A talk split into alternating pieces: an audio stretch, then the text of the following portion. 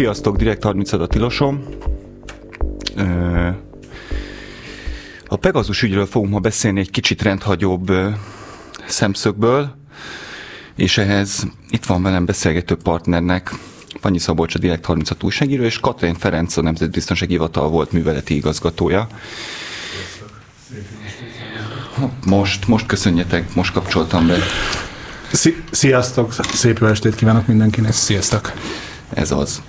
Szóval Pegazusról fogunk beszélni, és uh, igazából az lenne a cél, hogy egy kicsit azt, zárjuk, azt járjuk körül, hogy uh, nemzetbiztonsági szempontból, vagy titkosszolgaként, vagy hát majd kiderül, hogy mi a pontos terminológia a beszélgetésből.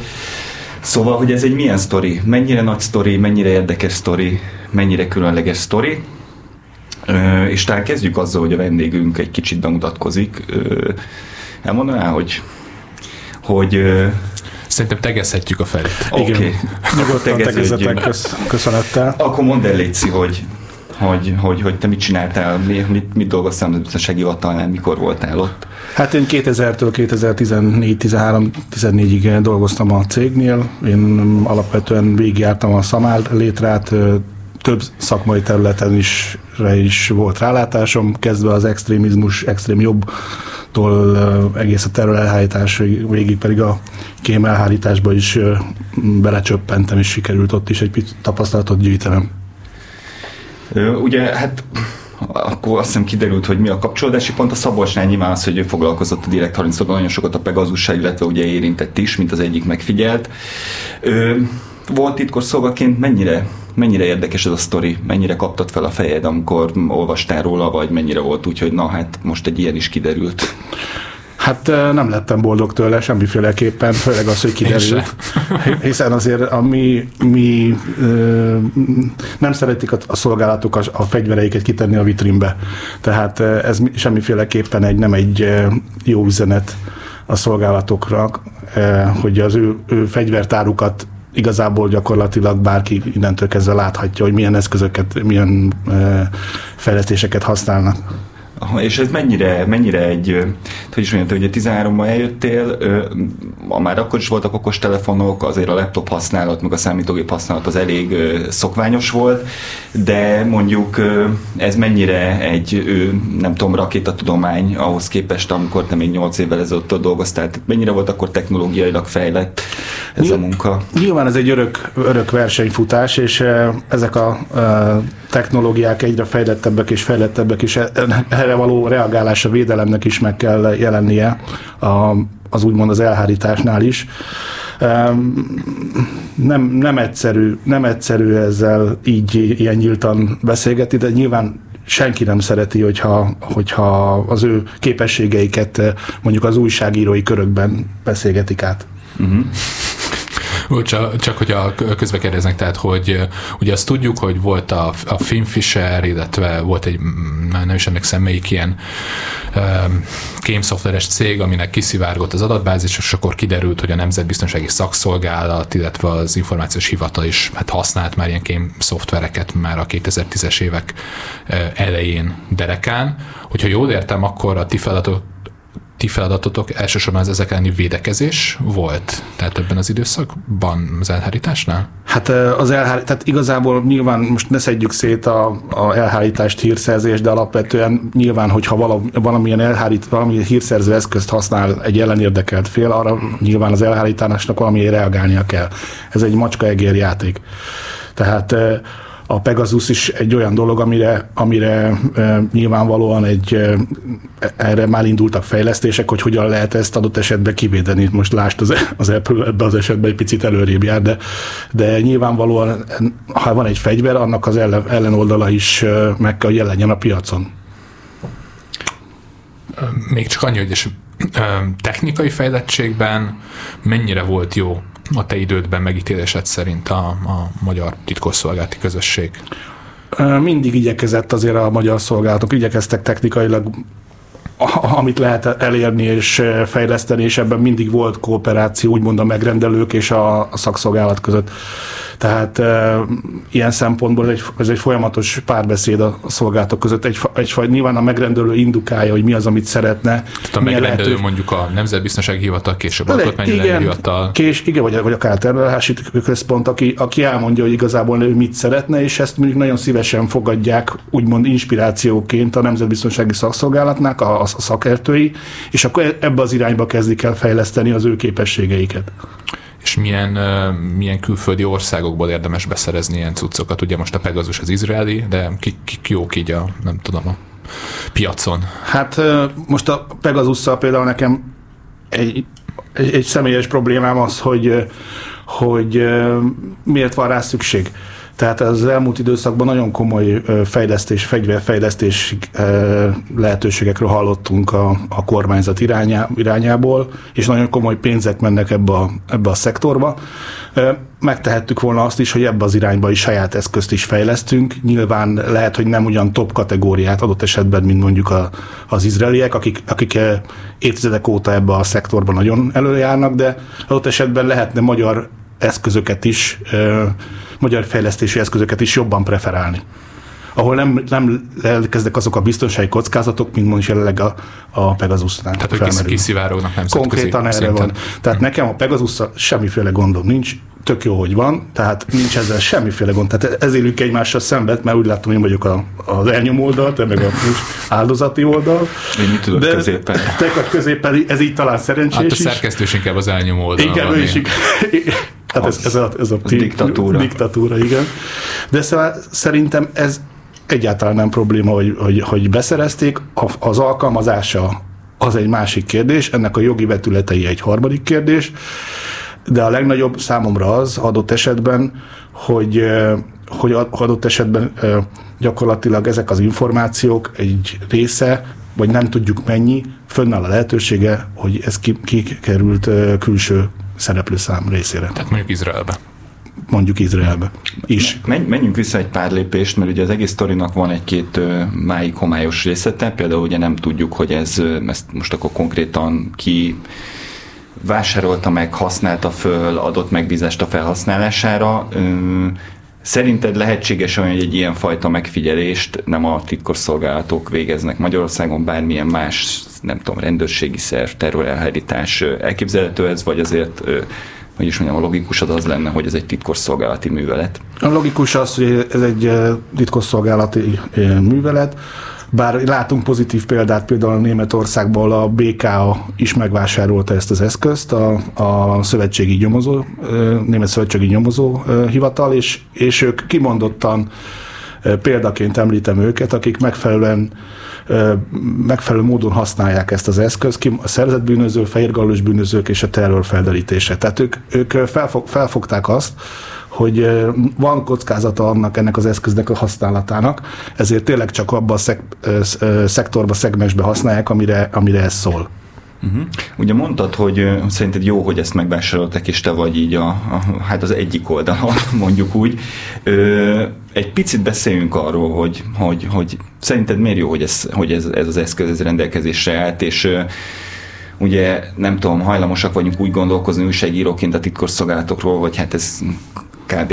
a izé legrosszabb ilyen titokzatos, biztos, hogy ott valami szörnyű dolog történik, hol lehet ennek a helye, hol van ennek a pozitív szerepe egy, egy, egy állam működésében? Hát például így most az előbb a területhájtást említem, nekem az egy ez, ez, szívem csücske, egy ez terület kimondottan azt gondolom, hogy ott helye van helye van az eszköznek. Viszont azt is tegyük hozzá, hogy a maga a hírszerzés és elhájtási munka az nem alapulhat csak technikai rész, technikai vonalon. Tehát ez egy féllábú vagy egylábú elhárítási filozófia, egy hírszerzési filozófia, ha csak a technikai részleteket tekintünk. Ez egy sokkal komplexebb művelet. Nyilvánvalóan hajlamos lehet arra egy eh, szolgálat, vagy egy eh, rendőrség, hogy arra gondolnak, hogy akkor kanapéból meg tudjuk oldani így a Pegasuson keresztül a, a hírszerzési feladatainkat, de ez, ez egy csapda helyzet, és csak saját magunkat ö, eh, csapjuk be vele, és egy nagyon szűk szegmens alapján próbálunk sokkal általánosabb következtetéseket ö, levonni, ami félreviheti egy mondjuk a műveleti egy hírszerzési munkát. E, ez, ebbe például a jó példája az Egyesült Államok, akik a 2001 előtt ö, szigorúan nagyon próbáltak csak csak a technikai jellegű hírszerzésre mentek rá, és az dominált, és akkor szembesültek azzal, hogy a, elhanyagolták a, az egyéb hírszerzési készségeiket, legyen itt a humán a, és egyéb, e, e, egyéb képességeket, és, és akkor szembesültek azzal, hogy ez nem lesz jó. És ennek a legjobb példája, hogyha ez pedig a Wuhani laboros történet, ahol gyakorlatilag az elnök kiadta az amerikai hírszerzésnek, hírszerző közösségnek, hogy záros határidőn belül számoljanak be nekik arról, hogy hogyan szabadulhatott ki a, a vírus. És ekkor szembesült az amerikai hírszerzési közösség azzal, hogy nem feltétlenül van birtokában olyan humint, tehát olyan e, humint információknak, ami, ami alapján ők ezt jó esélye, jó százalékkal meg tudják mondani az elnöküknek. Tehát, hogy nincsenek igazából ügynökeik már. Konkrétan mert... erről van szó, uh-huh. gyakorlatilag annyira egyrészt a kínai elhárítás olyan intenzíven felszámolta az amerikai sejteket, illetve az amerikai hírszerző képességeket a Kínába, amit, amit egy technikaival nem tudtak megoldani, nem tudnak megoldani. Tehát, hogy mondjuk adott esetben egy pegasus vagy más ilyen kém szoftverrel nem, nem tudod azokat a típusú információkat megszerezni, tehát a két ember elmegy sétálgatni egy parkba, nincs náluk telefon, akkor nem Rész, részinformációkat fogsz látni, de ezek az információk uh, amit mondjuk beszerzesz egy Pegasusszal, beszerzesz egy, egy ügynöktől, beszer, beszerzesz akár nyílt információból, egy jó elemzővel összefogva, ez így, alkot, így alkotja azért alapvetően a, a komplexitását a műveletnek. A sztorik, amik kiderültek a pegasusos megfigyelésekről, megjelölésekről, azok ugye mind ilyen valamilyen közeleti szempontból visszás történetek. Ugye Szabolcs, hát gondolom meg tudod erősíteni, hogy azért ugye itt sokkal több névről van szó ennél, akár Magyarországon is. Feltételezhetjük azt, hogy, hogy itt ezt használták ilyen célokra is bűnüldözés, extrémizmus, nem tudom. Ez azért igen, ezt meg is írtuk szerintem már a legelső cikkben is, hogy ugye több mint 300 magyar számot találtunk ebben a kiszivárgott adatbázisban, a világszerte több mint 50 ezer telefonszámot tartalmaz, és ennek a há- több mint 300 magyar számnak egy, egy jó része azért, hát hogy is mondjam, legitim célpontnak tűnik. És ezekről nem is írtunk, mert ugye nem akarunk teljesen törvényes, legitim nyomozásokat adott esetben hátráltatni. Ezzel. Na, ezt jól teszitek. De, de ugye egy csomó, ezt, ezt is megírtuk, meg erről is beszéltünk, hogy azért van egy csomó beazonosítatlan szám még, ahol nem tudjuk, hogy egy nagyon rejtőzködő gazdag üzletember áll, de mondjuk egy szám mögött, vagy mondjuk nem tudom, Ahmed a nem tudom melyik uh, milyen terrorsejtnek az egyik finanszírozója, aki itt Budapesten. De igen, valóban az látszik a, a, az adatbázisból is, hogy, hogy használták ezt a Pegazust, ahogy a Feri elmondta az előbb, tehát normálisan törvényes célpontok ellen is. Ugye az egy fontos érv, hogy a kormány részéről már többször elhangzott, hogy, hogy ha volt is ilyen, hogy ezt az eszközt használták magyar állami szervek, akkor ez mind törvényes volt. Ezt el tudod mondani, hogy hogyan van egy ilyen mondjuk úgy egy ilyen műveleti utasítás, érkezik egy minisztériumi aláírt papír egy, egy osztályvezetőhöz a, mondjuk az AH-nál, és aztán ő akkor ő kiválasztja az embereket. Erről lehet-e beszélni, hogy hogyan zajlik, mi, a, mi az utasítási lánc, aminek a végén eljutunk oda, hogy valaki mondjuk megfigyel valakit? Hát alapvetően azért nem így működik a dolog. Alapvetően a, a, van egy általános kormányzati hírigénye a szolgálatoknak, minden évben frissítenek, az alapján gyakorlatilag a szolgálatok leosztják területenként elhájtási felületek mentén a feladatokat, és, ala, és ez alap, ezeken dolgoznak. Tehát most itt mondjuk a annó az én vonalas igazgatóság, amilyen én dolgoztam, ott volt a terrorelhárítás, az extrémizmus, és adott esetben a kémelhárítás. És azon belül is megvoltak azok a, azok a önálló felületek, mondjuk akár orosz, akár kínai, akár észak-koreai vonatkozásban, ami, ami, ami nekünk napi, napi szinten kellett foglalkoznunk. Vagy a terrorelhártást, ahol mondjuk az Al-Qaida, Al-Qaida Magrebi szárnyára meg volt a specialista, aki ezzel foglalkozik, aki, aki igazából két-három fő, mondjuk egy alkaidás vonalon aki mondjuk kimondottan csak ennek az alszárnyával foglalkozik, és annak magyarországi vetületeivel. Tehát igazából a megrendelés onnan kell, hogy érkezzen a szakmai oldalról.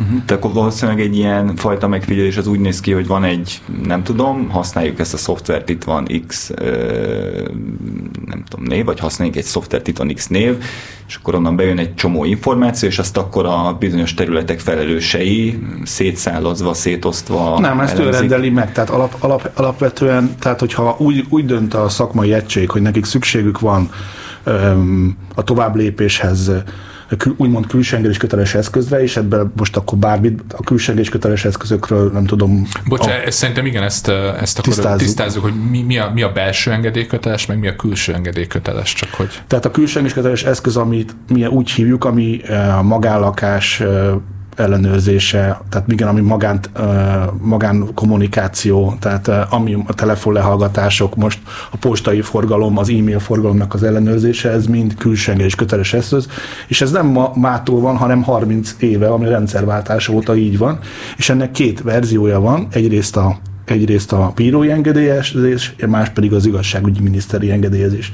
Ez a rendszerváltás sajátossága volt, hogy a, korábban a, hárma, a hármas föl, csoport főnökség saját maga engedélyezte ezeket, és a rendszerváltásnak úgymond a hozománya az, hogy ezeket utána ki, kiszervezték a, a, a belügyminisztériumtól, egy legyen egy külső kontrollja ennek a történetnek, és ezért tették be garanciális elemekként a bíróit, illetve az igazságügyit engedélyezést. És akkor megvan az a, egy 95-ös törvény alapján dolgoznak a szolgálatok, és megvan az tételesen, taxatíve föl van sorolva az, hogy, ki, hogy melyik, melyik kategória, mondjuk a bűncselekmények, illetve mondjuk alkotmányos rendeleni cselekmények azok bírói engedélybe tartoznak, terrorelhárítás, kémelhárítás és egyéb mondjuk nemzetbiztonsági védelem, az pedig a igazságügyi minisztérium, igazságminiszter engedélyezési felelőssége. És mi, mi, mit jelent a belső engedélyköteles? A belső engedélyköteles az, az olyan eszközök, ami, amit, amit, amit az, a napi rutin, tehát sokkal a napi rutin adott esetben használunk hívás listáktól kezdve hát ami, ami, sok, ami, ami kevesebb jogot sért, úgymond szerintem. Hát a, a közterületen követni valakit, az például külső vagy belső? Az szerintem belső. Az belső. Sima belső. Ez se, se, a rutin, volt, a rutin, munka, rutin munka az belül eldől, ami meg kicsit ilyen ami, ami, ami, ami a, úgymond az állampolgárnak úgymond szerintem, a, most nem vagyok jogász, de hogy az állampolgárnak a jogát sokkal jobban sértük, mondjuk, hogy bemegyünk egy lakásba, és mi megszámoljuk a pénzt a, a, trezóriába, az már annyi, annyi jogot megsért, hogy ez külső engedély köteles eszköznek minősül.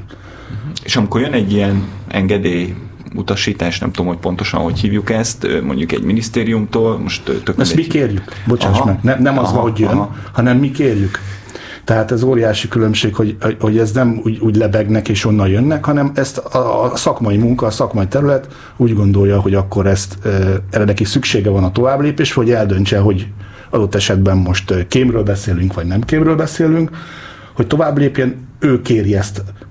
És akkor utána gyakorlatilag ezt a főigazgató ö, ö, szignálja alá, jelen esetben, illet, és úgy kerül át a engedélyező szinthez, a miniszterhez, vagy pedig a bíróhoz. De ez a rendőröknél is így van. Uh-huh. Tehát ha megvan a bűncselekménynek az alapgyanúja, és a rendőr, rendőr aki mondjuk a rablással foglalkozik, kér egy ilyen engedélyt, akkor a bíró dönti el, hogy ők használhatja ezt a lehallgatást, vagy sem. És azt hogy kell képzelni így a szolgálatokon belül, mit tudom én, újságíró fejjel gondolkozva, hogy nálunk az van, hogyha valami jogilag kényes ügyről írunk, akkor mielőtt publikáljuk, előtte ugye futunk néha több kört is jogászokkal. Akik ez így van nálunk is. Tehát felmerül egy ötlet, hogy akkor ez a, e, itt kéne egy engedély, meg lehet ezt csinálni, akkor legyen egy meeting, beszéljünk a jogászokkal, mire ez érvek pontosan, ellenérvek. Ez pontosan nálunk, ez, ez a kör, amit nem lehet megúszni, ez nálunk is így van.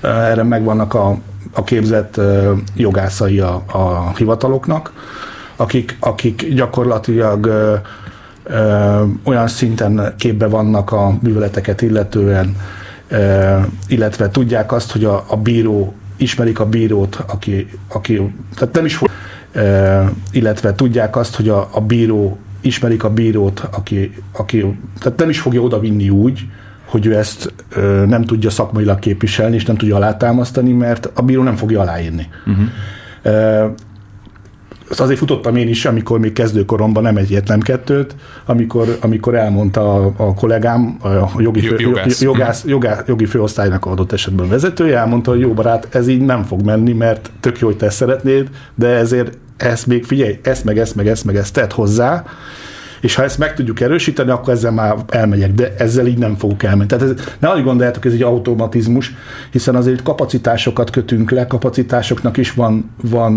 vége. Tehát mondjuk Tehát, ez azt jelenti, hogy akkor ha kapsz egy ilyen engedélyt, akkor mondjuk öt embernek a 24 órás munkája az a kapacitás. Adott, adott esetben, kell. hogyha mondjuk egy elfogás van, vagy egy szoros ellenőrzés van, hmm. aminek a végén egy realizálás van, akkor ez, akkor ez bizony kőkemény kapacitás lekötés, főleg, hogyha mondjuk mondjuk, hogyha jön egy, egy prominens vezető, mondjuk egy Putyin látogatás van, vagy vala, ahol mondjuk 0-24-es kontrollba kell tartanunk egy célszemélyi kört, kört, adott esetben azért, mert nehogy itt történjen nálunk valamilyen esemény, akkor ez bizony azt jelenti, hogy 0-24-ben nagyon komoly kapacitások vannak lekötve ami nem végtelen. Tehát ezt kell, ezt kell tehát mindenki azt gondolja, hogy lehallgatják, persze lehallgatják, de azért az, azt is kell látni, hogy a másik oldalon ezeket, ezeket eh, föl kell dolgozni, ezeket az információkat, ezek rendszer kell csinálni, és ezeket utána, utána megint vissza kell ám vinni. Tehát eh, van egy olyan része ennek a, a munkának, az ellenző része, és utána megint vissza kell vinni a bíróhoz, meg az, el, az igazságügyi miniszterhez, hogyha hosszabbítani szeretnéd ezt, mert általában itt azért időpontok vannak, ami a törvényben le van írva, hogy 30, 60, 90 nap, hány napig használod ezt az eszközt. Ez nem végtelen örök életkódúak, hanem ennek kőkemény határideje van. És utána pedig ezekkel a határidőkkel, ha te még szeretnéd ezt még az eszközt használni, nagyon meg kell indolkolnod, hogy miért akarod. És egyébként sokkal jobb vita, tehát mondjuk bírókkal, akik jóvá hagyják az ilyen intézkedéseket, sok olyan helyzet van, hogy hát nem ment át, még hozzunk fel két érvet, vagy azért az sok mindent fölülír, hogy itt államérdekről van szó? Szer- szer- szerencsére én nem ezen a területen dolgoztam, de, de nekem, nekem, tehát én, nekem nincs lehetőségem vitatkozni a bíróval, nekem nincs közvetlen kapcsolatom a bíróval. Nekem az én jogászommal van uh, vitám. Tehát nekem ezek a, ezeket a vitákat mi házon belül le kell, hogy tudjuk rendezni, tehát szakmailag pro és kontra, és utána lehet, ut- utána, ha már jogászt én meggyőzöm, és ő azt mondja, hogy oké, okay, ezt így leüti, akkor már jó eséllyel van rá adott esetben, hogy a, a, bíró, a bíró vagy az engedélyező miniszter már nem fog jó esélye van, de ez nem kizár. Uh-huh. Én, én beszéltem egy olyan volt nagyon magas rangú titkosszolgálati vezetővel, aki azt mondta, hogy hát ő azért tartotta a, tudom, a jogi szakértőjét, hogy, hogy megmondja, hogy mit hogyan lehet csinálni, nem azért, hogy azt mondja meg, hogy mit miért nem lehet csinálni. Tehát, hogy a hozzáállás eleve az, hogy, hogy igazából úgymond jogászkodjunk, tehát tegyünk oda olyan szövegeket, amik, amikkel egy vattaként körbe csomagoljuk a, a szándékot, és akkor ez a bírón biztos, hogy át fog menni. De erre mondom azt, hogy ezért tett, ezt pont emiatt tették külső engedélykötelessé. Mert az lehet, hogy a házon belül van olyan jogász, aki ezt neked meg fogja csinálni, és szerencsére van is, de azért mindig nem százszázalékos garancia, hogy ez automatikusan át fog menni a bírón, vagy, vagy az igazságügyi miniszterén. Mert ott is vannak szakértők adott esetben, akik, akik már ezeket olvassák, pontosan tudják. Nem, tehát nem tudom, hogy milyen arányban, mert én azt gondolom, ha, az én tapasztalatom az, hogy ha egy szakmai terület kellő módon felkészültem, megindokol egy ilyen, ilyen eszköz alkalmazását, azért az jól esélye át is fog menni. Jó, beszéljünk egy picit a, erről a témáról, amit az előbb te dobtál fel, hogy mik a fizikai korlátai egy ilyen megfigyelésnek. Tehát, hogyha csak arra gondolok, hogy 300 szám, és valószínűleg Magyarországról is valószínűleg ez nem is az összes, ami bekerülhetett a Pegazusba, azért az iszonyatosan nagy mennyiségű adat, még akkor is, hogyha úgy konkrétan tudjuk, hogy milyen tűt keresünk a szélnakazalban, tehát ez fizikailag gyakorlatilag átláthatatlan, nem? Már most már most, hogyha arra gondolsz, Tehát, hogy, hogyha egyszer csak bezúdul, bezúdul hozzád a, a Szabolcsnak a telefonjának a le, le, az összes anyaga, akkor te is csak pislogni fogsz, Igen. hogy iszonyatos mennyi adatforgalombat kell neked kielemezned. Így van. Erre gondolsz, Így nem? van, tehát gondolom, hogyha egy híváslistát lekérnek a szolgálatok, az is olyan, hogy azért az ember ott ül fölötte, ha nem tudja, hogy konkrétan milyen ellenoldali számot keres. Hát pontosan, azért ez egy alapvetően a, a ehhez vannak az elemző szoftverek, amik úgymond segítséget adnak a adott esetben a műveleti tiszteknek, de a munkána ez hozzá tartozik, tehát el lehet rendelni nagyon könnyen, könny, úgymond elrendelhetjük egy ilyen külsőngi eszköz, de utána azt le is kell dolgozni. Tehát az nem egy lárpullár dolog. Tehát utána is abból, abból bizony következtetéseket kell levonni, sőt adott esetben, hogyha valóban jó helyen járunk, és fölmerül a bűncselekménynek a gyanúja, és az tovább megerősödik mondjuk egy kémügyben, akkor azt, azt onnantól kezdve már abba is be kell von, tud, tudnunk ezeket az eszközöket, ha nyílt eljárásba akarjuk tovább vinni az ügyet. Na, ehhez mondjuk kevés tapasztalatom van, megmondom őszintén. Tehát ehhez, mondjuk egy, egy ügyészségi nyomozás indul. Innentől kezdve már érdemes egy ügyészt bevonni, aki ebbe, ebbe rutinosabb, aki, aki a nyílt eljárásba át tudja vinni úgy az ügyet, hogy nem rontjuk el az elején azzal, hogy nem, nem arra kértük az engedélyt, nem úgy jött be az információ, nem szabályosan jött be az információ, hogy szerettük volna. Célhoz kötöttnek kell Célhoz lennie, kötöttnek ugye, kellett, arányosnak kellett lenni. Tehát azért ezért Nyilván a szolgáltatóknak nem feltétlenül mindig a célja egy nyílt eljárásba vitel, de azért bőven előfordulhat, hogy eljön egy olyan pont egy ellenőrzés során, amikor azt mondjuk, hogy oké, okay, nézzük meg, hogy ezt ki, mit tudunk ebből nyíltba tenni. Szóval azért akkor van értelme szerinted szolgálati szempontból iszonyú nagy tömegben gyűjteni az adatokat, és akkor majd legfeljebb nagy, ez, most, ez, ez, ez, most olyan, hogy iszonyatosan nagy tömeg, mert nem Jó. magammal cseszek ki, hogyha iszonyatosan nagy tömegben én csak célzottan szeretnék információkat az én célszemélyem vonatkozásába.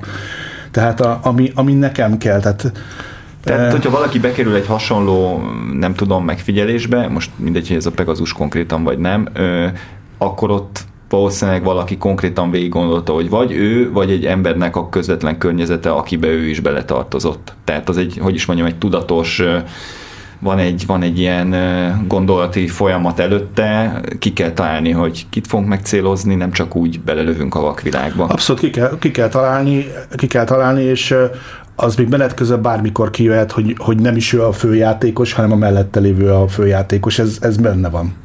Uh-huh. De, de mondom, itt azért nagyon komoly mennyiség információkat kell feldolgozni és kezelni amikor ilyen eszközökről beszélgetünk. És ennek a, ennek a humán részét az hogy, hogy kell elképzelni? Tehát mondjuk, mondjuk egy embernek a megfigyeléséhez a, a túloldalon mire van szükség kell, gondolom egy elemző, egy, mondjuk egy pszichológus, aki egy ilyen profilt alkot valakiről, valaki, aki leírja a szövegeket, főleg, hogy a külföldi az illető, akit megfigyelnek. Hát ez egy gépezet most, amiről beszélünk, hiszen hogyha most, a, a most a, a, a külsős köteles eszközökről beszélgetünk, lehallgatásról beszélgetünk, hogy nyilvánvalóan e, belefuthatunk olyan esetbe, amikor olyan nyelven beszél az illető, amit nekünk mi nem vagyunk a birtokába. Tehát, hogyha most... E, tehát, tehát nem magyarul beszél. Tehát nem magyarul beszélnek, és nem is szépen beszélnek magyarul, vagy olyan szlengel beszélik, amit te mondjuk nem ismersz. Hmm. Most nem, de ha elvonatkoztatunk a magyar nyelvtől, de mondjuk egy, bejön egy arab, egy török, egy kínai, egy, egy olyan, vagy egy arabon belül egy olyan nyelvjárás, egy beduin, tehát ami egyébként én találkoztam vele, ami, amit, amit egyszer nem is tudunk vele mit kezdeni, akkor, akkor el, felmerül a dolog, hogy akkor mi legyen a következő lépés. Tehát akkor, akkor jön szembe az, hogy ez a leallgatás ez egy ilyen olyan partalan, tehát nem, nem a legeffektívebb dolog, amikor mondjuk ilyen eszközzel élsz. Akkor át kell, a saját kreativitásodra van bízva, hogy akkor hogyan próbálod meg ezt az egészet mégiscsak valami műveletbe önteni. A Pegasusról elhangzott egy csomó ilyen, vagy hát most már elég sok részlet kiderült, hogy ugye nem csak a telefon forgalmát, adatforgalmát lehet vele figyelni, hanem adott esetben mikrofont bekapcsolni, kamerát. Én gondolom, hogy ahhoz, hogy az ember egy ilyen eszköz használjon, hát az, hogy is mondjam, még egy ilyen racionális döntés eredménye, hiszen ott meg akkor már, ha egy kamera felvételeit vissza kell nézni, ott konkrétan, tehát végig kell ülni ugyanazt a sót, mint amit a kamera rögzített előtte. Vagy azért ennél vannak -e szofisztikáltabb megoldások? Vagy, vagy a mesterséges intelligencia segítségével automatikusan van program, ami így ki, odaugrik, hogy mi az érdekes rész? Szere, szerencsére nem ismerem a Pegasus-t, hál' hmm. Istennek, úgyhogy, úgyhogy én is csak olyanokról fog beszélni, amit, amit, amit nem, nem tudok. Viszont amit tudok az, hogy, ez, hogy most jelenleg szabályzat, most már Pegasusról beszélünk, meg kibek, telefon, mikrofonok kibek kapcsolásáról beszélgetünk, amit még mindig egy 1995-ös törvény szabály szabályoz, amikor még, még, még a Facebook se létezett, vagy nem ebben a formában. Tehát egy olyan, olyan elavult nemzetbiztonsági törvény próbálja meg ezeket az eszközöket úgymond tartani, vagy ami egyszerűen már elképesztő nagy, nagy különbség. Tehát, Ez inkább nehézséget okoz vajon a titkosszolgáknak, vagy inkább megkönnyíti a dolgokat, mert nagyon sok a, az elnagyolt részlet. Tehát mondjuk a, nem tudom, az elektronikus kommunikáció megfigyelése, amikor a törvény született, az, az akkor még mit tudom én, mondjuk Teljesen. SMS vagy számítógépnek a feltörése. A, figyelj, de... a szolgáltatókét nyilvánvalóan, ha, ha, az én, ha most az én műveleti tisztként nézem a dolgot, nekem majdnem, hogy mindegy. De, de ha már jogászként nézem, akivel az előbb beszéltem, annak már nagyon nem mindegy, mert adott esetben ö, felmerül benne az a gondolat, hogy, hogy ez már nem vonatkozik arra. Tehát ezt már nem tudom megcsinálni ezen pontok alapján, amit én szeretnék. Vagy ha, ha, vagy ha megcsinálom, akkor behunyom a szemem. Tehát akkor be fogja a bíró hunni a szemét. Tehát gyakorlatilag arról van szó, hogy van egy törvény, ami már időt meghaladta, van egy olyan technológia, ami már egyszerűen már nem is értelmezhető törvényileg, és a kettőt valahogy össze kéne hozni megint. Tehát csak, hogy, hogy, hogy a hallgatók is értsék, tehát a Pegasussal alapvetően ugye az a probléma, hogy minden tud, és ha mondjuk egy ilyen engedélyeztetésnél mondjuk a, a, tudom, a jogász az, az, azt mondja a bírónak, hogy mi, mi csak az elektronikus, nem tudom, kommunikációt akarjuk megfigyelni, megkapja rá az engedélyt, elkezdik használni a Pegazust, amit aztán bekapcsolják a kamerát, meg a mikrofont, az beviszi az ember a lakásába, akkor az már ugye a lakásba technikázás, hatása alá is uh, tud esni. Így van, vagy ha kiviszi, és ami már egy másik vagy beül egy kocsiba, beül egy kocsiba mondjuk Elmegy beül, a barátnőjéhez, van, az, a feleségéhez, akkor már más lakásában van, is ott van. Így van, pontosan ez a rész, ami, ami már meredek.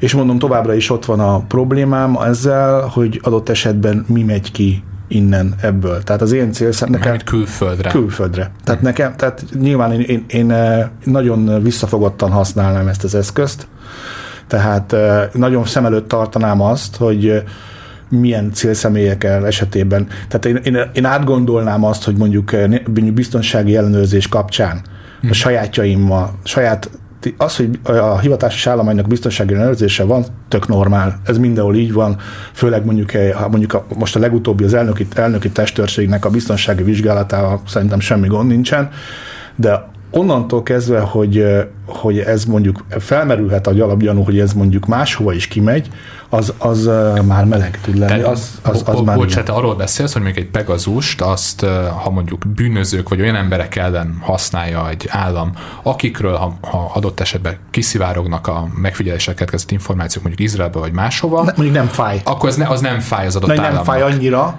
bár a magyar állampolgár nem fáj Igen. annyira, mint adott esetben ha a saját... a saját dandártábornokunkat figyeljük meg, és akkor, vagy mit, mit beszél ugye Áder János főtestőr Áder Jánossal, keletkeztek erről mondjuk információk, és ha mondjuk ezek kikerülnek Izraelbe, az már egy kicsit kínosabb. Hát ez, ez védhetetlen. Hm. És ez komolyan vehető? Vagy nagyon-nagyon naívnak kell lenni ahhoz, hogy az ember komolyan vegye, amit az NSO mondta, hogy hát, hogy ők, úgy, tehát ez a program úgy van kitalálva, hogy itt nem lehet hozzáférni a szolgáltatói oldalon a információkhoz. Higgy, higgyünk, egy, higgyünk nekik, de most már a hit marad, mert hit, de, de én azért ismerve az izraeli kollégákat, én meglepne, hogyha ők úgy csinálnának meg bármilyen eszközt, hogy mondjuk ők ne, ne legyenek ennek urai teljes mértékben. Ez mit jelent, hogy ismerve az izraeli kollégákat? Én is így csinálnám. Tehát én is így csinálom. Szerintem ez így, ez így, ez egy alap dolog szerintem.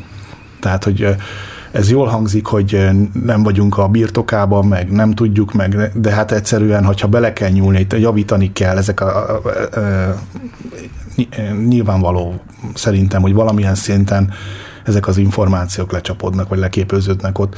És hogyha most átállok az én agyammal, mondjuk egy, egy hírszerzőnek, akkor azt mondom, ez aranybánya. Hmm.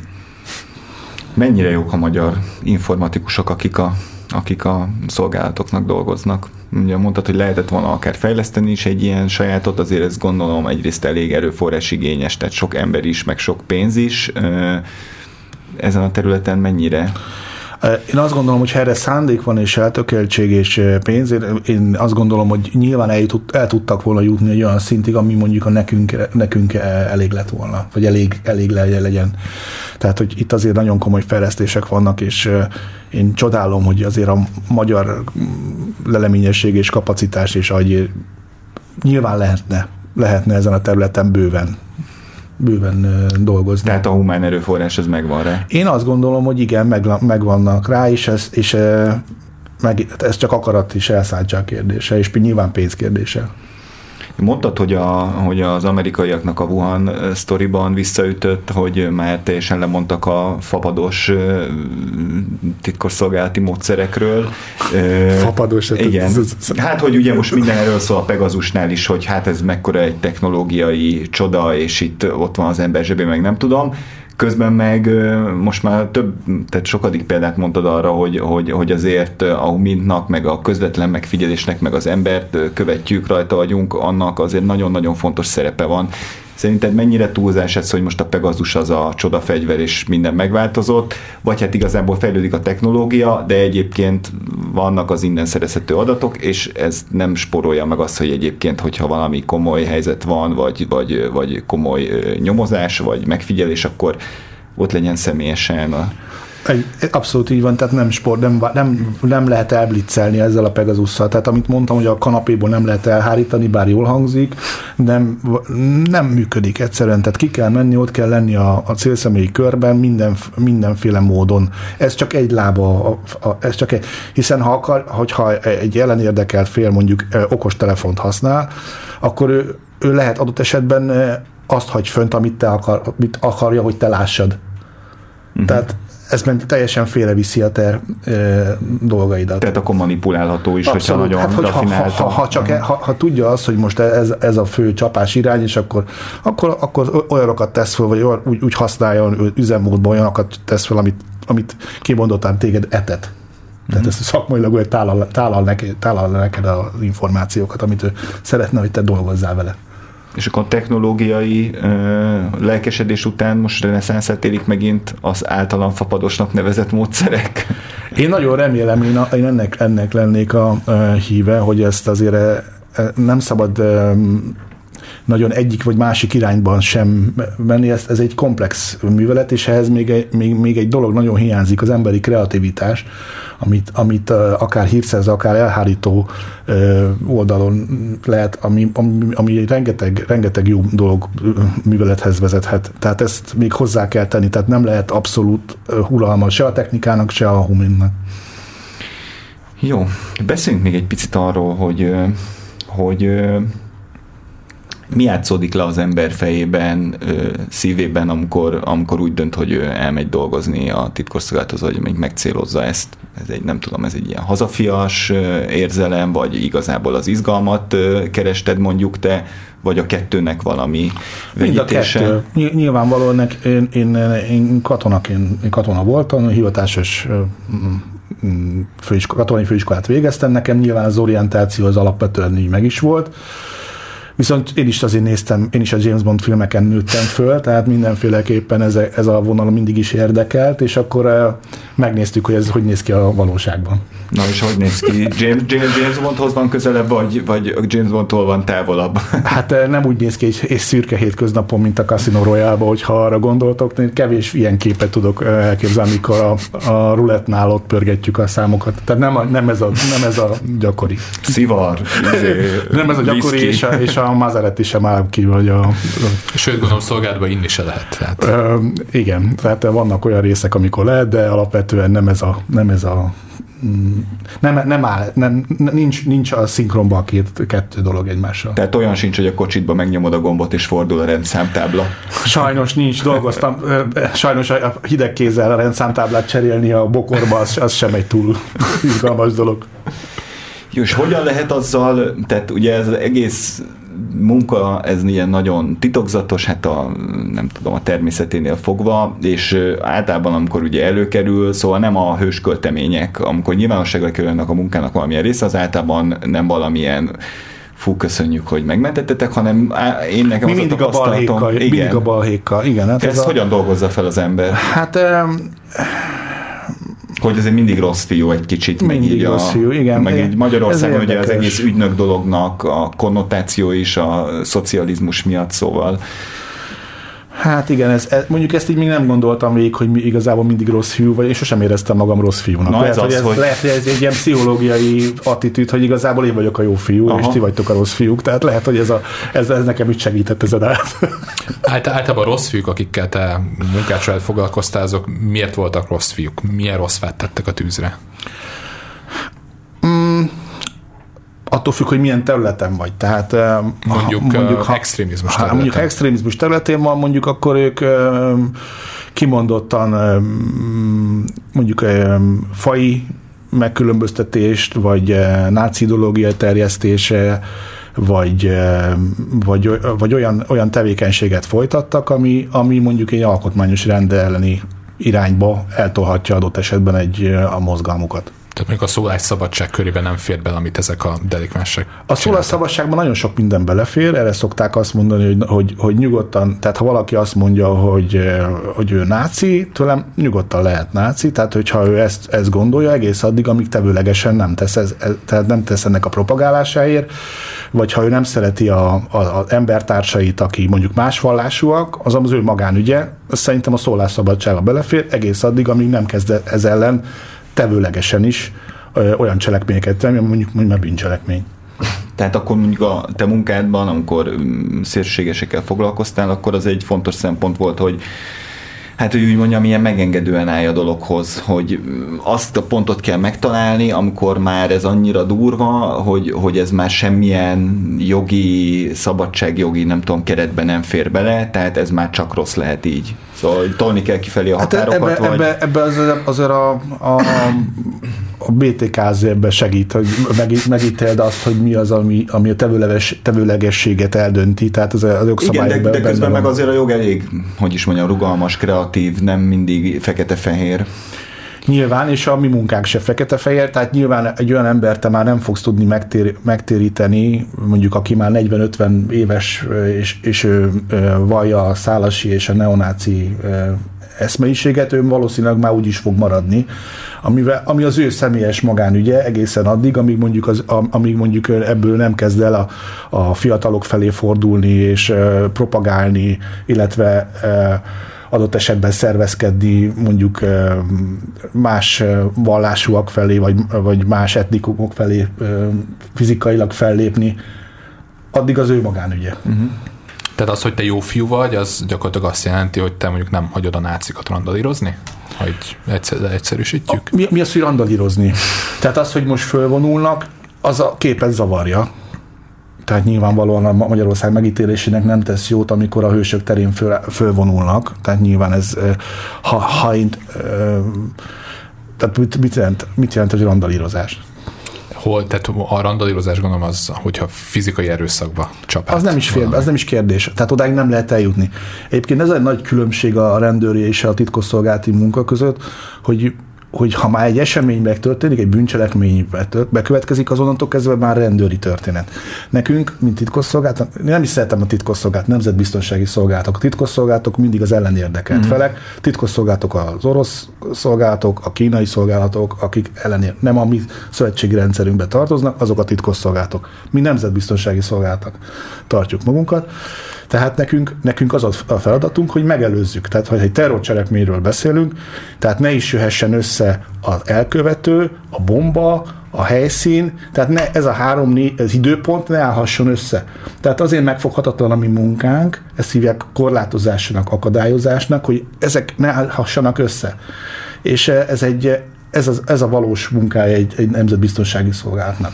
És, és azt mi dönti el, hogy, hogy mondjuk jobb egy tettenérés, és akkor történjen meg a bármilyen, nem tudom, bűncselekmény, vagy, vagy, vagy rossz dolog legyen, történjen meg, és akkor ott, hogy is mondjam, fekete-fehéren látszik, hogy itt volt valami, és, és mikor van az, amikor jobb az, hogy el se jussunk odáig. Ez hanem... egy nagyon, nagyon kemény szakmai pont, hogy hol dönt, ez az, hol dönt egy mondjuk egy terhelhárító, hogy most már nem vár tovább, nem gyűjti tovább az információt, hanem realizál. Tehát, hogy akkor most rúgjuk be az ajtót, és szedjük össze az embert. Tehát nem tudom, tehát nagyon nehéz az a pont, amikor, ha már tudod, hogy neki megvan a szándéka, megvan az eszköze, megvan mindene, és összeállt a képlet, és igazából már csak az alkalomra vár, akkor neked döntéseket kell hozni, hogy akkor itt most már nem várunk tovább, hanem akkor be kell gyűjteni, adott esetben még annak az árán is, hogy később mondjuk egy bírói szakba el fogjuk bukni a történetet.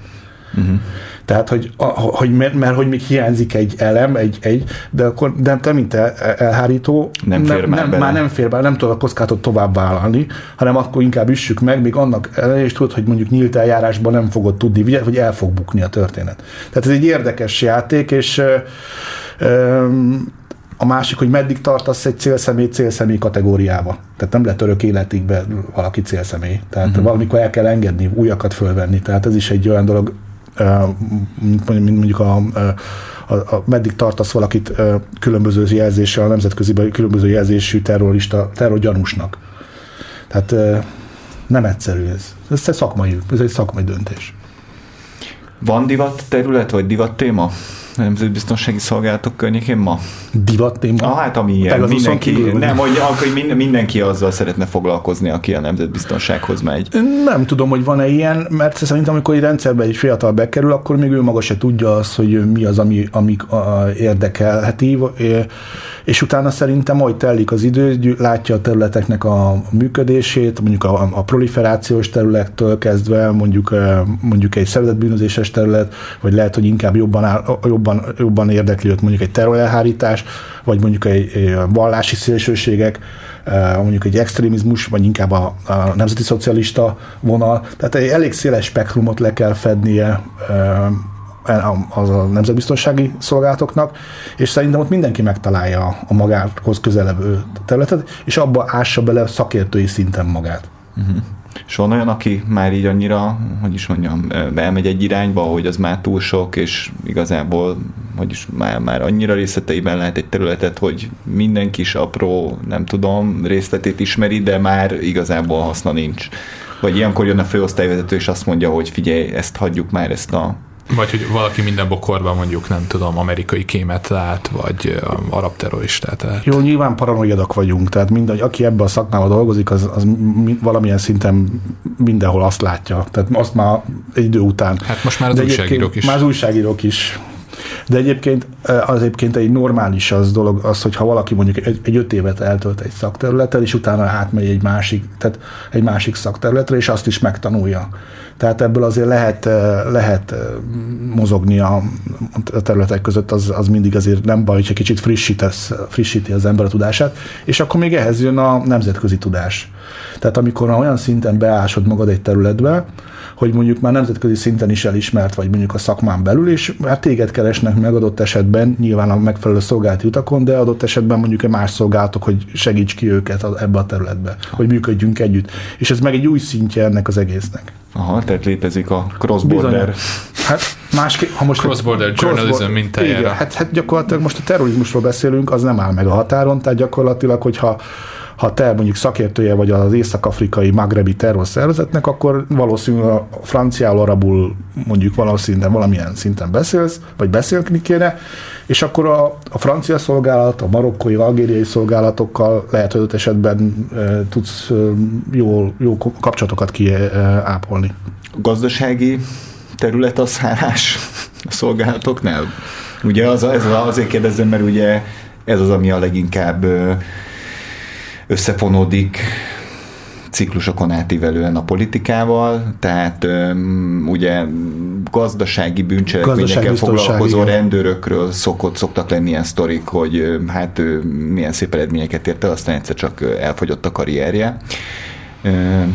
Van-e ilyen? Szerencsére nem ezen a területen dolgoztam, nem is kívánok ezen a területen dolgozni, legalábbis nem, nem az érdeklődésem. Nyilván ez egy külön szakma, a gazdaságvédelmi terület, de egyébként a politika nem csak a gazdaságvédelmi területen van, hanem a kémelhájtáson is kőkeményen. Hiszen a, ha ellenérdekelt szolgálatok, azok mindig a, a döntéshozók és a döntéshozók felé építkeznek, vagy a, vagy a potenciális döntés, az elkövet, a jövő döntéshozói felé építkeznek, ahol, ahol előbb-utóbb szembe jön velük valamelyik elhárító cég. Uh-huh. Jó esetben.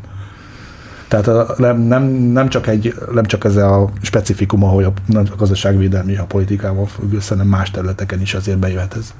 Jó, mondtad, hogy azért eléggé jól megy a nemzetközi együttműködés a szolgálatok között legalábbis bizonyos témákban.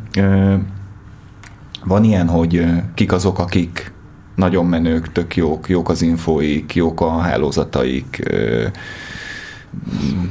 ha hozzájuk megyünk, akkor kapni fogunk valami Mondjuk a luxemburgi titkosszolgálat. Igen. Igen, ők nagyon, ők ne. A- Egyébként nevetni fogtok, de a luxemburgi titkosszolgálatnak nagyon magas presztízse van. Méghozzá azért, mert mint, mint alapítói az, az, a, a, az EU-nak, és a, a diplomáciában ők nagyon mindenhol egy kicsit föl, fölreprezent, túlreprezentált, overrepresentatív, nem tudom, hogy mondjam. Ők egyébként szolgálati szinten is megjelennek, és ők azért próbálják ezt, reprezentatív, nem tudom, hogy mondjam. Ők egyébként szolgálati szinten is megjelennek, és ők azért próbálják ezt a szolgálatoknál is, én találkoztam velük többször, hát együtt dolgozunk, és azért ők ezt próbálják ezt, ezt tovább levinni a szolgálatok szintjén is, a maguk módján. Egyébként ez egy érdekes dolog. Na, de ugye a Gerő kérdés az volt, hogy ki, kivel a legjobb együtt dolgozni. Vagy Ez ki, területenként függ. Tehát a, a, például az ördöggel is együtt lehet működni. Tehát terrorelhárításon például az ördöggel is együtt lehet működni. Bárkivel, ami neked, neked érdekedben áll. Tehát eh, legyen az kínai, orosz szolgálat, bárkivel. Tehát a, mindig a területtől függ, hogy te mondjuk adott esetben kitől remélsz, kivel adsz, kitől... Ez egy, ez egy ilyen export-import. Te adsz információt, ő ad neked információt. Tehát eh, ez, ez, ez mindig terület és, és érdekspecifikus. Ö, És mondjuk, ha nem tudom, kémelhárításról beszélünk, kik azok, akik nagyon-nagyon jók, nagyon jók a hálózataik, na, mindenhol ott vannak, nehéz őket ö, kiszúrni, ö, vagy ez nem így megy, hanem az ember dolgozik ö, kémelhárítóként, és akkor előbb-utóbb mindig az útjába kerül egy. Nyilván az orosz szolgálatok hagyományosan jók, perspektívikusan építkeznek, a kínaiak szintén ilyen, ilyen Az mit jelent, hogy perspektívikusan az, hogy, az, építkeznek? hogy nincs rángatózás, hanem mondjuk a NATO 50 éve ellenfél, és gyakorlatilag 50 év óta építkeznek a NATO felé, tehát most, vagy, vagy, vagy az EU-s, EU-s intézmények felé. Tehát eh, eh, nekik meg- megvan az előnyük, hogy viszonylag, viszonylag stabil a, úgymond a, a hátterük, a, a, és gyakorlatilag évtizedek óta egy irány, egyfelé építkeznek. Tehát ez egy, ez egy Tehát a politikai megrendelés az orosz szolgálatok felé az Viszonylag konstans. Igen, igen, igen. És itt Magyarországon ugye mégiscsak itt a, a, olyan országokkal vagyunk körülvéve, akik eh, valamikor részben részeink voltak, és nyilván vannak itt mindenféle ellentétek. Ugye a szlovákokról és a románokról mondják azt, hogy ők elég aktívak, mert az ő hírszerzésük Magyarországon. Ez valóban így van? E, Ezt most jelen pillanatban nem tudom neked megmondani, hogy éppen hogy áll, de nem lennék meglepve, ha így lenne, hiszen azért a, a eléggé offenzív a magyar külpolitika, mondjuk eh, Erdélyben, eh, Szlovákiában, ez, ez, a, ez gondolom az ottani, ottani eh, feleknek is feltűnik, hogyha mondjuk vás, és talán a szlovák példa volt a köz- a közelmúltban, amikor, a, amikor már szóltak, hogy nem kéne megvenni ezeket az épületeket vagy eh, földeket, de azt gondolom, hogy ez, ez oda-vissza működik. Ez egy, eh, egy, egy régi társasjáték, ez, ez valamilyen szinten eh, eddig is volt, ez nem új. Ugye pár éve volt az a kisebb botrány, amikor azt hiszem az volt a háttér, hogy Lázár János elfelejtette, hogy egy nem zárt ülésen van, és megdicsérte a magyar hírszerzőknek a munkáját Ukrajnában, és aztán ebből lett egy kisebb uh, botrány. Erre most mit kéne mondanom? Lehet. Tehát nem, nem tudom, Szóval, szóval nem csak a környező országok dolgoznak ránk, hanem mi, mi is rájuk. Hát ez most szerintem úgy nagyon nem lep meg senkit, hogyha ez körülbelül így van. Ez, ez, ez szerintem hagyományosan így van. Tehát úgymond nyilván egyfajta kereteket kell ebbe beleképzelni, nem, nem hiszem, hogy ez túlnyúlna egy, egy határon túl, de, de valamilyen szinten ez remélhetőleg diplomáciailag ezt tud- tudják kezelni. Ugye itt az elmúlt években kiderült, hogy hát ült végül is egy, talán mondhatjuk egy orosz ügynök itt a magyar politikusok közt, Kovács Béla, volt jobbikos. Lehetséges, hogy majd nem tudom, 20 év múlva kiderül, hogy voltak román ügynökök, szlovák ügynökök a képviselők, vagy akár kormánytagok közt. Mármint a magyar Igen, kormány? igen, igen, Nem igen. tudom. Nem tudom, hogy ez ki fog-e derülni.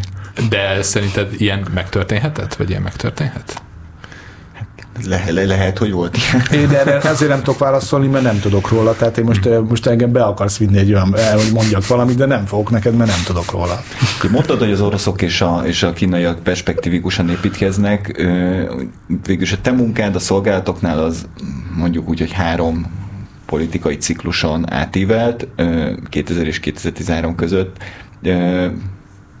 A magyar szolgálatoknál lehet érezni olyat, hogy politikai széljárás változik, más lesz a munka, vagy azért mondhatjuk, hogy itt is viszonylag konstans, tehát van egy irány, amerre, amerre tart a munka, és vannak prioritások, amik viszonylag megbízhatóan mindig ott vannak.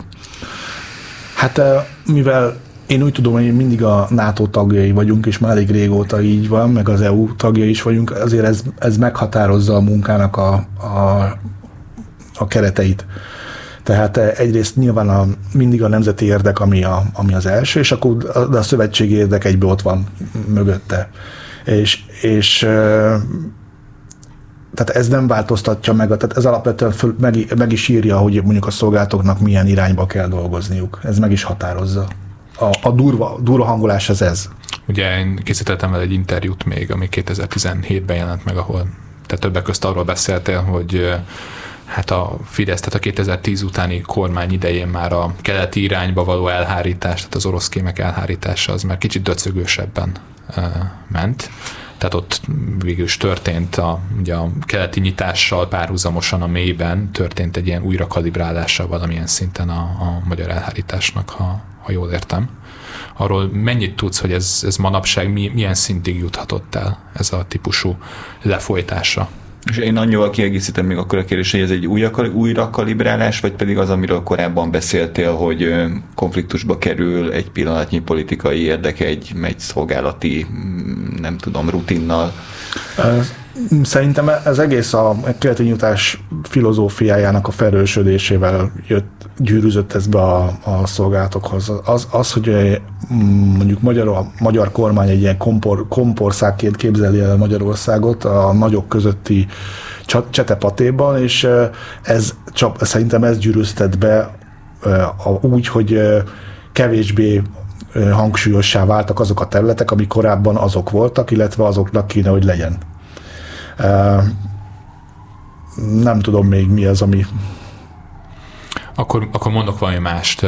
Soros György és hálózata, mint ugye említette itt a kínai veszélyt, vagy hát a kínai titkosszolgálatokat, az orosz titkosszolgálatokat, de hát hogyha valaki mondjuk a köztévét nézi, akkor leginkább azt hallja, hogy itt Soros György és valamiféle nemzetközi bankárhálózat esküdik össze Magyarország ellen. Te találkoztál-e soros ügynökökkel? Én, én nem, a munkám során semmilyenféle soros ügynökkel nem találkoztam, nekem fogalmam nincs, hogy, hogy milyenek ezek a soros ügynökök, meg milyen félelmetes erőt képviselnek ők. Én, nem, én akkor nem találkoztam soros ügynökig.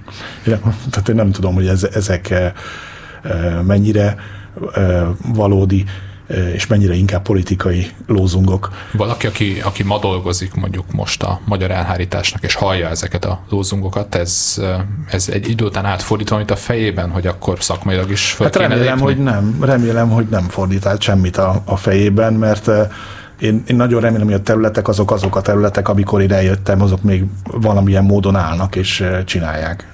De én nem, nem gondolom azt, hogy Továbbra is én azt gondolom, hogy nekünk alapvetően a, a saját és szövetségi érdekeinket kéne egyre jobban, egyre erősebben képviselni, és szerintem ezt ki is fogják kényszeríteni tőlünk.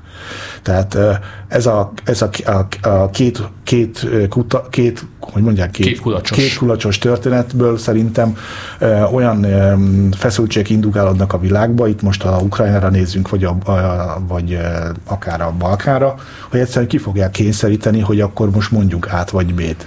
Tehát, hogy nem lehet a végtelenségig így hintázni Moszkva azt és gondol, azt gondolom, hogy, ezt gondolom, hogy nem, és ezt a szövetségi rendszer fogja kikényszeríteni, amikor amikor már láthatóan akár egy fegyveres konfliktus fog meg, megjelenni a, a határainktól nem messze. Okozott ez valaha, tehát a tapasztalatot szerint bizalomvesztést magyar titkosszolgákkal szemben, partnerszolgálatok részéről, vagy amúgy is bizalmatlanság van, tehát ez nem lemérhető, vagy igazából úgy vannak vele, hogy hát oké, okay, a magyarok keresik, a, vagy a magyar politika keresi a, a határokat, amíg elmehet, hát most akkor ez van.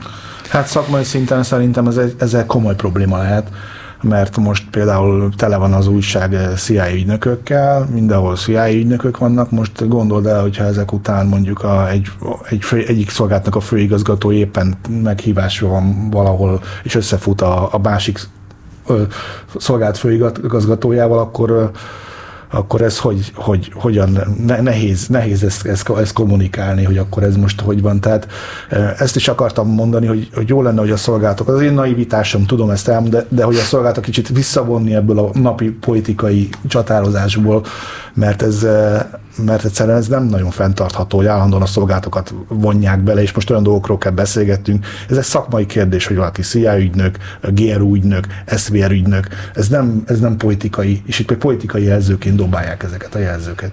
De ugye most mindenhol ez van, hogy, hogy a politika, meg a politikai keretek annyira leuralnak mindent, hogy most már mindent tényleg egy, nem tudom, bevásárlást is ezekben a keretekben kell értelmezni, szóval ja, hát. Figyelj, CIA szinte gyakorlatilag azért én, én azt gondolom, hogy mindig, de hát már a Varsói szerződést már elengedtük. Szóval lassan el kéne engedni, már, mert, mert és a NATO-nak a legnagyobb, legerősebb partnere az az Egyesült Államok a maga CIA-jával és a, a fegyveres erejével.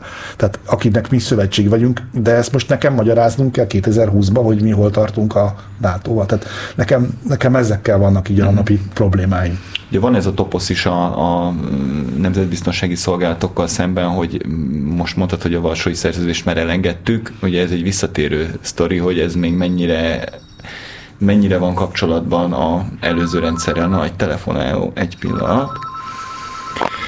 Hello! Szervusztok! Visszalépnék egy kicsit a nagylátószögből. Az lenne a kérdésem a vendég felé, nemrég kezdtem el hallgatni, hogy a, mi a véleménye arról, ez a saját véleményem, hogy a, a magán ö, hadseregek, vagy rendőrségek, vagy ö, nyomozóirodák visszaszorításával a a titkosszolgálatokkal együtt a, a belügyminisztérium saját hatáskörbe akar vonni minden olyan ö, szereplőt a piacon, aki egyáltalán magánszemélyek után nyomozhat, vagy ö, uram, bocsát, titkosszolgálati tevékenységet végezhet belföldön. És akkor köszönöm szépen, várom a... Köszi. Köszönjük. Hát megmondom őszintén, ez nem szakterülete, mire ez nehezen tudok hozzászólni így a magánbiztonsági szféra és a, és a titkosszolgálatok viszonya. Nyilvánvalóan van átjárás és együttműködés a, a, a magánbiztonsági szektor és a szolgálatok között bár, bár abból is, hogy nagyon sok volt kollega találja meg ott a számítását a magánszektorba, és adott esetben e, dolgoznak ebbe a szegmensbe, de, de így konkrétan nekem erre nincsen rálátásom, hogy ez hogyan kéne ennek működnie, vagy, vagy milyen, a, a kérdésre Kicsit segítsetek már, hogy pontosan a, a kérdés pontosításában. Hát, akkor arról van szó, hogy mondjuk a magánnyomozók munkája az ugye eléggé megnehezült, és hogy a belügyminisztériumuk azt szeretné, hogy csak ők tudnak használni bizonyos eszközöket, úgy kvázi monopóliumuk van bizonyos tevékenységek felett egy, egy országban, és ezt az egészítem ki, hogy hát az is egy toposz egyébként, hogy hát a nagyon durva politikai megrendeléseket, megfigyeléseket azt nem, a, nem egy adott államnak a titkosszolgálata végez el, hanem ilyenkor a politikus megkeres pont egy ilyen magáncéget, és őket bízzák meg azzal, hogy mondjuk ellenzéki politikusokat figyeljenek. Hmm.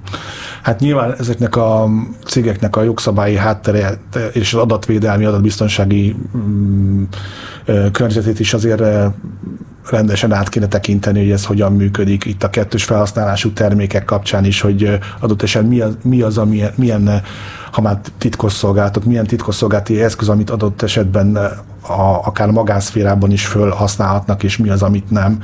És ennek a szabályozása is egy érdekes kérdést mindenféleképpen ezt napirendre lehetne venni.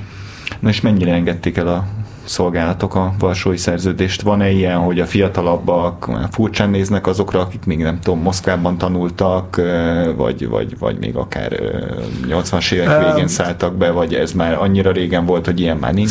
Szerintem nagyon sokan vannak még a, a volt kollégák között, akik ott végeztek, a Szovjetunióval végeztek, ami egyébként önmagában nem, nem gond, hiszen a egyik legjobb iskola. Tehát ha most azt, azt nézzük, hogy a legjobb iskola, viszont azért már 2020 van. Uh-huh. Tehát azért ezzel is figyelembe kell venni, és azért a, mondjuk az én korosztályom, vagy főleg már nálam fiatalabb korosztály azért már alapvetően NATO, amerikai, angol, francia, német, német iskolákon nevelkedett, és ez, a, ez az irány.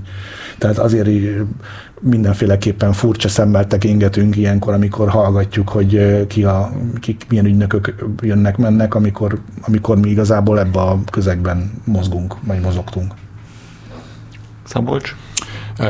Még ehhez kapcsolódva, az, az, az mennyire igaz, ugye van, van, ez is egy ilyen, ilyen toposzt, hogy hát akik Moszkvába végeztek, azok nagy rész, vagy nem nagy rész, de sokszor a feleséget is onnan hozták haza, és aztán ott volt mondjuk, nem tudom, egy, egy, egy, egy igazgató, aki a magyar elhárítást végezte, és Svetlana volt a felesége, és hát hogy, hogy nem, azért Svetlanának voltak mondjuk olyan orosz diplomata ismerősei, ami hát így vetett fel kérdéseket. Tehát, hogy ez, ez a típusú ilyen szocializációs és család családi kapcsolatokon keresztül is a Szovjetunióhoz kapcsolódó része ennek az idősebb magyar titkosszolgálati állománynak, ez, ez mennyire vetette fel azt a kérdést, hogy ők még mondjuk a 90-es években, vagy a 2000-es években is hát szivárogtattak információkat keletre?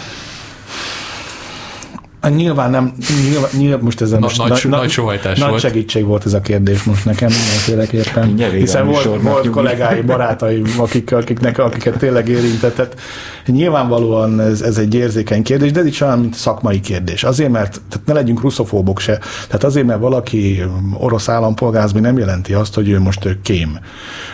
Azt se, azt se hanyagoljuk el, hogy azért ezt, ezt, a, ezt a módszert azért Láttunk már a, a, erre példát, hogy ezt azért tudatosan használja ott esetben pont az, az orosz szolgálat. Hát ugye a Kovács Béla feleségét pont, így, konkrét, így, így konkrétan. Tehát azért ez, ez a modus operandi, ez egy létező dolog, de, de rá ezt nem gondolom azt, hogy ez most egy általános trendként lenne, de, de az, hogy ez a kockázat megvan, ezt viszont vizsgálni kell, ez mégis olyan szakmának ez a, ez a lényege, hogy amikor egy, egy kollega visszaérkezik mondjuk a, a a tengeren túlról, vagy a, vagy a Szovjetunióból, akkor vizsgálni kell, hogy neki őt érte bármilyen olyan hatás, ami onnantól kezdve már megkérdőjelezheti az ő, ő tehát biztonsági kockázati tényezőként keletkezhetette vagy sem. Ez egy szakmai kérdés. Ezt el kell dönteni. De ez nem lehet általánosban mindenkire ezt mondani. De valóban a jelenség az, az valóban ez, ez, ez volt. De hát ez már szerintem lassan kikopóban van. Nekem még van egy utolsó kérdésem, ami lehet, hogy azért érdekel, mert hogy a bölcsészkaron végeztem, de van-e olyan a szolgálatoknál, hogy sok, bölcsé, sok bölcsész van nálunk. Van-e olyan, hogy az a, az a fasz a gyerek, aki rendőr, katona, tehát ilyen vonalról Természetesen jön, katona, melyinak végeztem. És akkor aki közgazdász, bölcsész, hát az izé, Jogász. Igen, vagy, vagy igazából, tehát persze van ilyen, de úgy, úgy egyébként ki, ki ez, ez, ér, ez érdekes egyébként, mert, mert persze van, hát nyilván a katonák a legjobbak, utána jönnek a rendőrök, ők, ők, ők, ők szerintük ők a legjobbak, és egyébként meg nem. Tehát ut- utána, amikor, meg, utána, amikor mondjuk egy bölcsész kollega is adott esetben egy szakterületbe beássa, beássa magát, és az ő hozza az ő civil felfogását, hogy most a civil szolgálatokról beszélünk, tehát zseniálisakat tudnak alkotni a kreativitásuk révén, amit mondjuk én, mint az én katona agyam, mondjuk nem, nekem, nekem nem jut el odáig az agyam. Tehát ez, ez, a fajta impulzusok, ez azért jó a szolgálatoknál, amikor nagyon sok helyről, nagyon sokféle ö, kollégák jönnek össze, ez egy nagyon, nagy, nagyon jó mixet, nagyon jó arányt tud, elegyet tud képezni, ami, ami egy jó munkahelyi légkört tud kialakítani. Tehát szükség van a bölcsészekre is, a katonák, és a, katonák, katonáknak és a rendőrök mellett, és még a nyelvészekre is, és akkor ez egy olyan szakmai együttműködési felület, ami, ami egy nagyon kreatív légkört tud teremteni. A kicsit a nyelvtudásról kérdeznének, ugye itt említetted a nyelvészeket. Menny, a te idődben mennyire volt jól ellátva mondjuk exotikus nyelveket tudó szakértőkkel a, a, a magyar közösség, titkosszolgálati közösség, és e, mit tudsz arról, hogy manapság milyen, milyen a humán erőforrás? Hát azért ez egy örök, örök kihívás. Én azt gondolom, hogy egy, ez egy nagyon nehéz mindig olyan szintű megfelelő nyelvtudással, és ez mindig a szűk keresztbecete volt, most ha külsengeri eszközökről beszélgetünk, hogy, hogy olyan nyelvtudású kollégákat legyenek, nem csak, nem csak nálunk, sőt, elsősorban, elsősorban nem is csak nálunk, hanem inkább a szakszolgálatnál, akik, akik tényleg ezzel foglalkoznak, hogy, hogy, hogy az, Tehát akik mondjuk értik, hogy milyen nyelven beszélnek, értik. mit mondanak Tehát a lehallgatott személyek. Például mondjuk egy csecsen nyelvről beszélünk, egy, ami, ami aztán tényleg egy török, orosz keverék. Eh, bocsánat, ha csecs, elnézést, ha, ha rosszul mondanám. Ha egy bölcsész hallgatja. Ha van egy bölcsész, vagy egy csecsen bölcsész, akkor elnézését kérem meg, ez az én hiányosságom, de, de, de amikor ilyen finomságokról beszélünk, és azon belül mondjuk a csecsenekről melyik tejphez tartozik, tehát hogy melyik, melyik nem törzs, hanem ők tejpnek hívják, hogy és azon belül is vannak különbségek, akkor nagyon finoman szóval megnehezíti az elhájtó, elhájtóknak a feladatát, ha csak a Pegasusra, vagy csak a külsőnek köteles eszközökre építünk. Itt jön az be, hogy, hogy, hogy, hogy nem, nem csak a technikai. És ha a másik kérdésedről beszélünk, az, hogy magának, mondjuk egy műveti, művetiszt kollégának kell beszélnie. Szerintem az, az, az azért az elvárható, hogy legalább mondjuk azon a területen valamilyen szinten megismerje az adott kultúrának a finomságait, ahhoz viszont ha birtokol a nyelvet, az egy nagyon nagy előny. A, a CIA jelenlegi főigazgatója az kiadta nemrég a parancsot, vagy hát nyíltan beszélt arról, hogy hát sokkal több kínaiul beszélő amerikai hírszerző lenne szükség. Mennyire, mit tudsz arra, hogy ez mennyire probléma, hogy nincs elég kínai beszélő a magyar titkosszolgálatok körében? Szerintem körülbelül hasonló cipőbe járunk, mint az amerikai kollégák ebbe a történetbe, tehát és hogyha egy, ha egy CIA-nek az első számvezetője ezt így nyíltan ki is mondja, akkor az azt jelenti, hogy ők fölmérték ezt előtte, tehát szembesültek a saját hiányosságaikkal, és egy nagyon tudatos építkezési periód lesz periódussal előtt áll az amerikai szolgálat ebbe az irányba. És most, hogy mondjuk Magyarországra, ugye idén a Fudán Egyetem, Budapest, Belgrád vasútvonal építkezéssel több száz vagy több ezer kínai munkásra van ezekhez szükség. Nyilvánvalóan itt is lenne egy, egy ilyen igény, gondolom, nem? Tehát elhárító fejjel gondolkozva, Abszolút, ha, ha ide jön sok ezer is. kínai, akkor... Ez logikus is, és arra is számíthatunk, hogyha, amit szoktam mondani, hogyha ha mondjuk egy adott ország nem végzi el a házi, feladat, feladatát, akkor megcsinálják a mások. Tehát akkor megcsinálja, megcsinálja az a szolgálat, aki, aki most ebbe az irányba fog fejleszteni, és neki érdeksérelme adott esetben van abba az országba. Tehát arra, arra azért számíthatunk, hogyha, hogy, hogyha valamelyik eh, terület nem olyan erős, mint mondjuk a szövetségi rendszer ezt mondjuk elvárja tőlünk, akkor, meg, akkor át fognak rajtunk lépni, és meg fogják csinálni ők. Viszont akkor viszont akkor azt, azt fogjuk látni, hogy átjáróházan Magyarországon, és nem közünk hozzá az, egész, az egészhez. Tehát ha mi nem lépünk fel mondjuk az oroszok vagy a kínaiak ellen, akkor majd megteszik a németek például. Például. Itt Magyarországon. Szerintem minden, mindenféle gátlást nélkül meg fogják csinálni, ha az ő érdekük, és a NATO érdeke ezt így szolgálja, hogy, hogy látnak egy, egy hiány, hiányt, akkor azt, azt, befogják, azt meg fogják oldani. És egyébként hogy látod Magyarország sajtóját? Tehát én abszolút azt látom, hogy hát ez, a, ez, a, ez az imidzse Magyarországnak, hogy itt van egy ilyen elhárítási fekete lyuk.